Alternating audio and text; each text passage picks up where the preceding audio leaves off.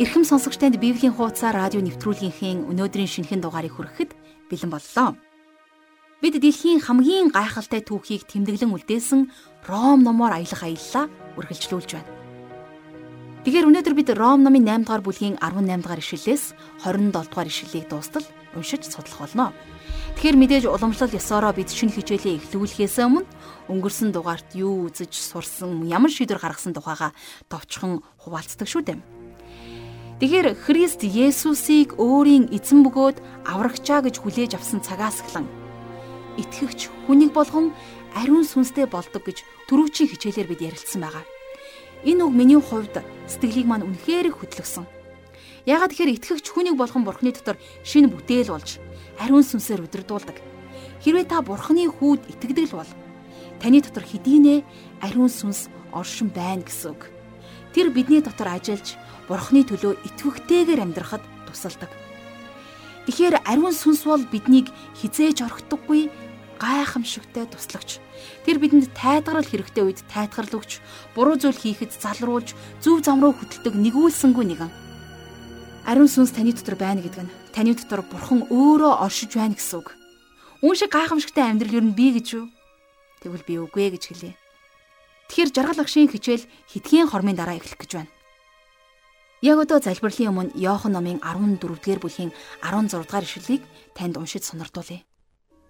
Яг одоо хамтдаа энэ ишлэлийн дагуу залбирцгаах болно. Би эцгээсээ гуйхад тэр та нарт өөр туслагчийг өгнө. Тэр нь та нартай үрд хамт байх болно гэж хэлсэн. Амен. Хамтдаа энэ цагийн төлөө залбирцгаая. Хайртай бурхан аав минь ээ. Таны биднийг хайрладаг хайрыг бид мэдэж итгэдэг Ийм агуу итгэмжтэй хайрыг мөхс дорой бидний төлөө өгсөн таньдаа бид талархаж байна. Тийм ээ та бол хайр билээ. Илбэрэл нэгүслэр дүүрэн эзэн. Тиймээс бид үргэлж таны хайрын дотор байж үгээртэн сахилгажуулахдахыг хүсэж байна.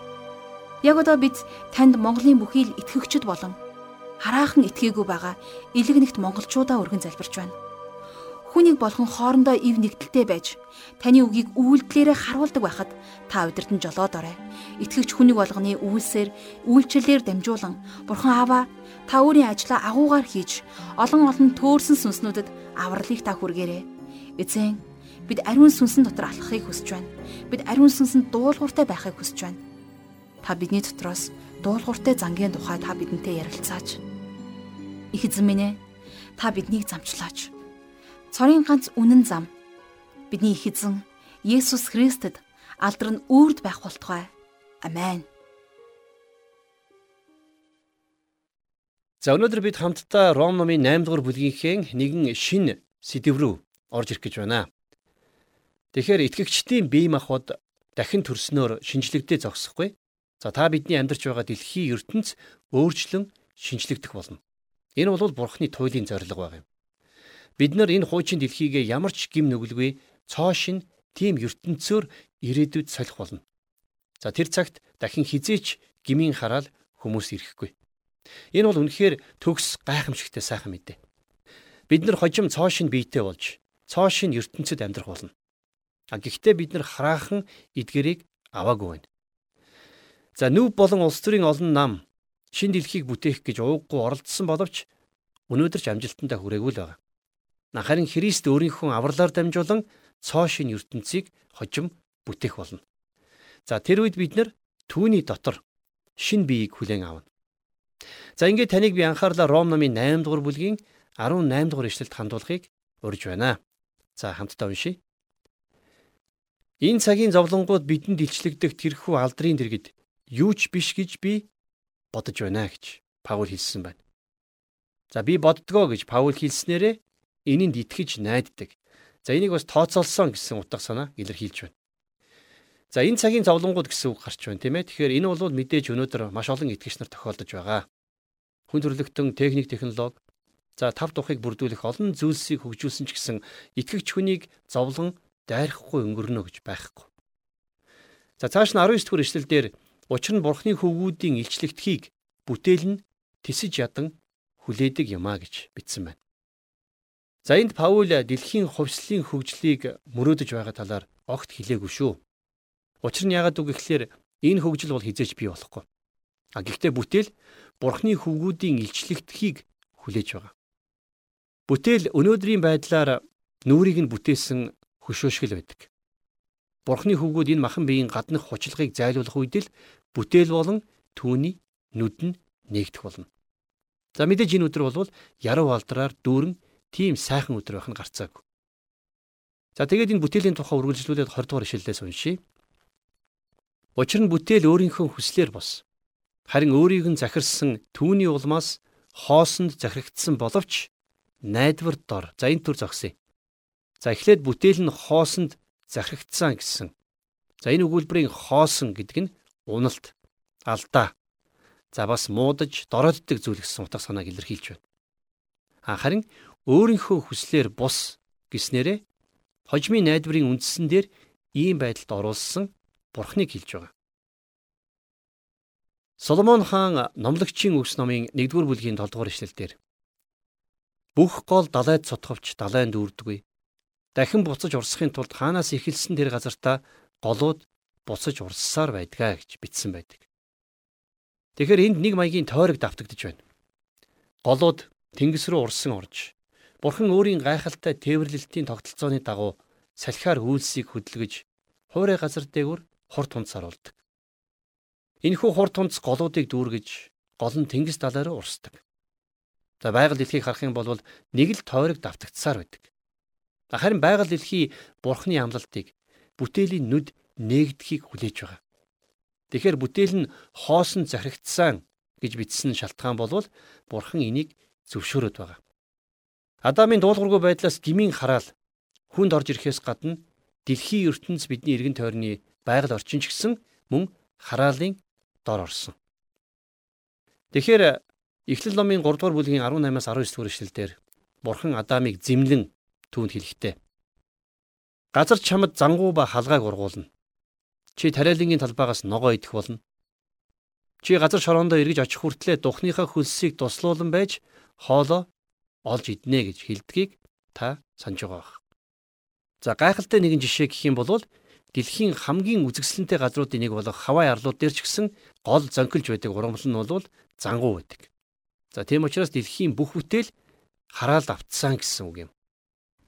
21-р эшлэлдэр Бүтээл өөрөө ч мөн язралын боолчлоос чөлөөлөгдөж Бурхны хүүхдүүдийн алдрын эрх чөлөөнд очих юм аа.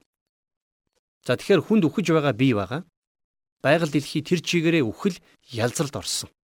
За ямар ч сайхан ойд очсон та хатаж өгсөн модыг олж харна. Бас үгсэн амьтны ялзран муудаж байгаа үнэр ч гэсэн үнэртэж магадгүй. Энэ бол дэлхийн өнөөгийн байдал гэдгийг бид нар ойлгох хэрэгтэй. За цааш нь үргэлжлүүлээд 22 дугаар ишлэлийг харъя. Өнөө хүртэл бүх бүтээл нь хамтдаа яолон хамтдаа төрөх зовлон эдэлдгийг бид мэднэ. За тэгвэл энэ талаар хуучин гэрээний Явайл номын 1-р бүлгийн 18 дугаар эшлэлдэр Аратан адгуус ямар их зовон тарчилж байна вэ? Бэлчээргүйгээс болж үхрийн сүрэг чиг зүггүй хэрэн тэнэж байна. Хонин сүрэгч зовж байна гэж бичсэн байдаг.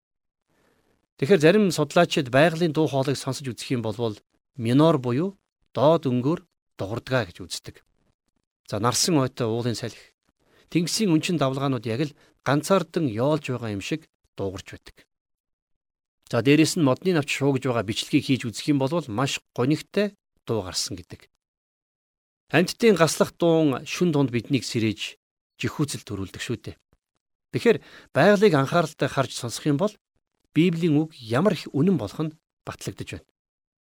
Нэгэн Библи судлаач хэлэхдээ байгаль үнэндээ бол яг л хурмаа хийх бэлтгэлээ хангаад болцоод залууга хүлээж байтал хайртай хүнинд гинэд үхэж гашуун зовлон амссан сүд бүсгүй шиг юмаа гэж зөөрлөн хэлсэн байна. Тийм учраас байгаль дэлхий яолж байдгаа гэдэгтээ би хувьдаа санал нийлдэг юм. Энэ бол туйлын үнэн. За 23 дугаар эшлэл. Зөвхөн үүнд ч биш. Харин бас бид өөрсөддөө сүнсний анхны үр жимсийг авсан бид ч дотроо яолон биднийг үрчилж авахыг буюу бидний биеийг золин аврахыг тэлсэж ядан хүлээдгээ гэсэн байна. Байгаль дэлхий яолохын хамт итгэгч хүмүүс ч гэсэн бас яолж байна. Тэгэхээр итгэгч хүн үргэлж баяр хөөртэй байх ёстой гэсэн онол энэ ишлэлийн дагуу цуцлагдж байна тийм ээ. Та бид нар өөрсдийнхөө энэхүү бие махбод дотор амьдарч байх хугацаанд бол бурхныг хүлээж тесэн ядан яолж байдаг. 2 дугаар Коринтын 5-ын 2 дугаар эшлэлдэр Паул хэлэхдээ Учир нь бид Тэнгэрээс буй бидний орших хоронг өмсөхийг их хүсэж энэ майханд яолон байдгаа гэж хэлсэн байдаг. Есүс эзэн маань хүртэл цурхран уйлж байсан. Тэр мэдээж баяр хөөртэй хүн байсан боловч түүнд уйлах үе цөөнгүй байсан. За тийм учраас бид нар энэ биеинд байгаа цагт ёолсоор байх болно. За харин 24 дугаар эшлэлдэр Учир нь бид ийм найдвараар аврагдсан. Гэхдээ харагдаж байгаа найдвар нь найдвар биш. Хүн харж байгаа зүйлдээ найдахын хэрэг юу байна? За бид найдвараар аврагдсан гэдэг нь Христ загалмай дээр бидний төлөө хийсэн тэрхүү үйл хэрэг болон за бидний Есүст итгэх итгэлийн тухай ярьж байгаа. А гэхдээ энүүгээр дуусчихгүй. Та бид нар ирээдүйд алдаршуулагдсан биеийг Есүсээс хүлээж авах болно. За хамтдаа 25 дугаар ишлэгийг үргэлжлүүлэн харъя. Харин бид харахгүй байгаа зүйлдээ найдвал түүнийгэ төвчээртэйгээр хүлээдгээ. За. Итгэл найдвар болон хайр нь итгэгч хүний амьдралын хамгийн чухал хэсгүүд байдаг юм. Та бидний итгэн найдаж байгаа бүх зүйлс биелжгсэн байсан болвол ирээдүйд та бидэнд хүлээх зүйл үлдэхгүй байх байсан. Хожмын нэгэн өдөр бүх найдвар маань биелэлээ олно. Тэр цагт итгэл найдварч ард үлдэж зөвхөн хайр үлдэнэ. Энэ талаар Ром номын 8 дугаар бүлгийн 26 дугаар эшлэлдэр ингэж бичсэн байна. Үүнчлэн мөн сүнс бидний сул дорой байдалд тусалдаг. Учир нь яаж залбирах ёстойгоо бид мэддгүй юм. Харин сүнс өөрөө үгээр илэрхийлэшгүйгээр яолон бидний төлөө зуучлан гуйдаг. Үнэн дээр та бид нар яаж залбирхаач мэддэггүй тийм ээ. Харин Бурхны ариун сүнс үгээр илэрхийлэшгүй дуугаар бидний өмнөөс зуучлан гуйж байдаг. Ингээд танд заримдаа Бурхны өмнө ирээд юу гэж залбирхаач мэдэхгүй байсан үе байгаа л баг. За магадгүй та зүгээр лава гэж хэлээд л зогссон баг тийм ээ. Учир нь та яг юу гуйхаа мэдэхгүй байсан учраас л юуч гуйлгүйгээр хэсэг зур гүйрэн суудаг.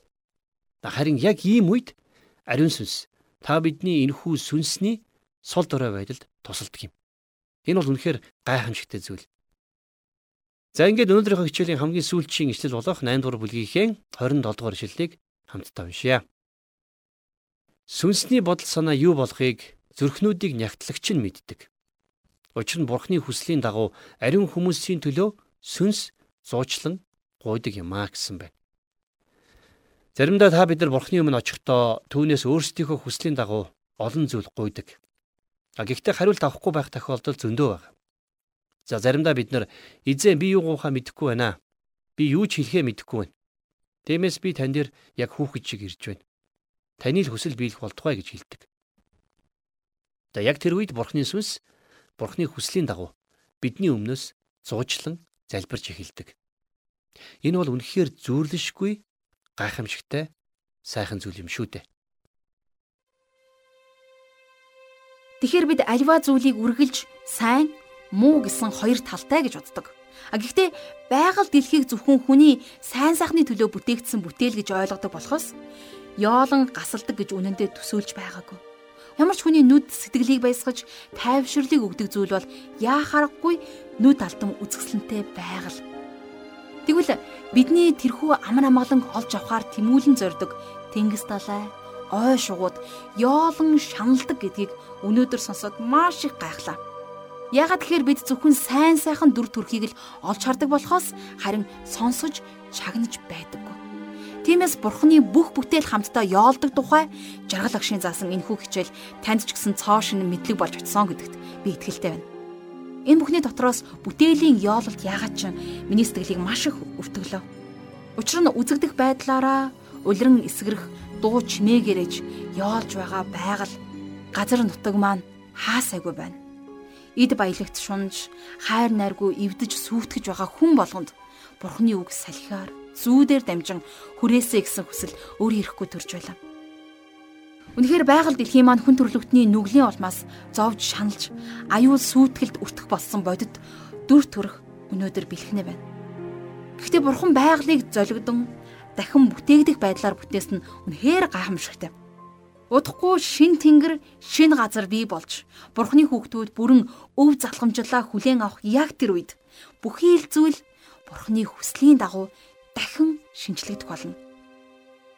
Харин ариун сүнс биднийг залбирал маань хөтөлж бурхантай ойр байлгадаг учраас та түүнтэй нөхөрлөг нөхөрлөө улам бүр дотн болохоорой. Яагаад тэгэхээр тэр бол бидний амьдралын хамгийн үнэтэй зүйл. Тэгэхээр Галаад номын 5 дугаар бүлгийн 22 23 дугаар эшлэлд сүнсний гайхамшигтай үржимсний тухай Паул бичсэн байдаг. Энд ийхүү бичиж үлдээсэн байна. Харин сүнсний үржимс нь хайр, баяр баясгалан, амар тайван, төвчээр, инрэл, сайхан сэтгэл, итгэлтэй байдал, дүлгөөн зан, өөрийгөө захирах байдал юм а гэж. Тийм ээ, ариун сүнс таныг бурханы хүслийн дагуу амьдрахад туслах болно. Тийм ээ, тэр гарцаагүй туслах болно. Энэ хүрээд өнөөдрийн хичээл маань өндөрлөж байна. Харин та сурсан зүйлийнхаа төлөө бурханд талархаж, магадгүй бурханаас лавлж асуугаасаа гэж хүсэж байна. Хамтдаа залбирцгаая. Оргийн хоосноос орчлын ертөнцийг бүтээж ам амьдралыг бидэнд өгсөн бурхан ааваа. Бид таньда талархаж байна. Таны ариун сүнс бидний дотор ажиллаж зөв замаар үргэлж хөтлөн жолоодож байдагт баярлалаа аваа. Тийм ээ та биднийг энэ дэлхийн эзэн болгосон. Ан амтан, далаа тэнгис, ой моддыг та захир гэж бидний төлөө бүтээсэн. Тиймээс жинхэнэ эзний ёсоор хандаж, хайрлан хамгаалж, түлжүүлж ургуулдаг, инэрэн хайрладаг байхад тэрэл зүрх сэтгэлийг та хүмүүс бидэнд өгөөч Итгэгчид бид таны үр жимсээр дүүрэн амьдрахыг хүсэж байна. Тийм ээ яг энэ цаг мөчид бид сүнслэг бүхий л төрөл өрөөлүүдийг бид ам амьдрал дээрээ дахин тунхаглан зарлаж байна. Та бидний дээрээс хур бороо адил эдгээр сүнслэг зан чанаруудыг эдгээр сүнслэг өсөлт төлөвшлүүдийг та бидний дээрээс буулгаач. Ариун сүнсний дуу хоолойг сонсож зөвхт амьдралаар амьдрахад та бидэнд туслаарай. Таны хайртай хүү Есүс Христийн нэрээр бид бүх монголчуудыг бүх газар нутгийг ард түмний итгэлийн ам амьдралаа өргөн ерөөн залбирч байна. Амен.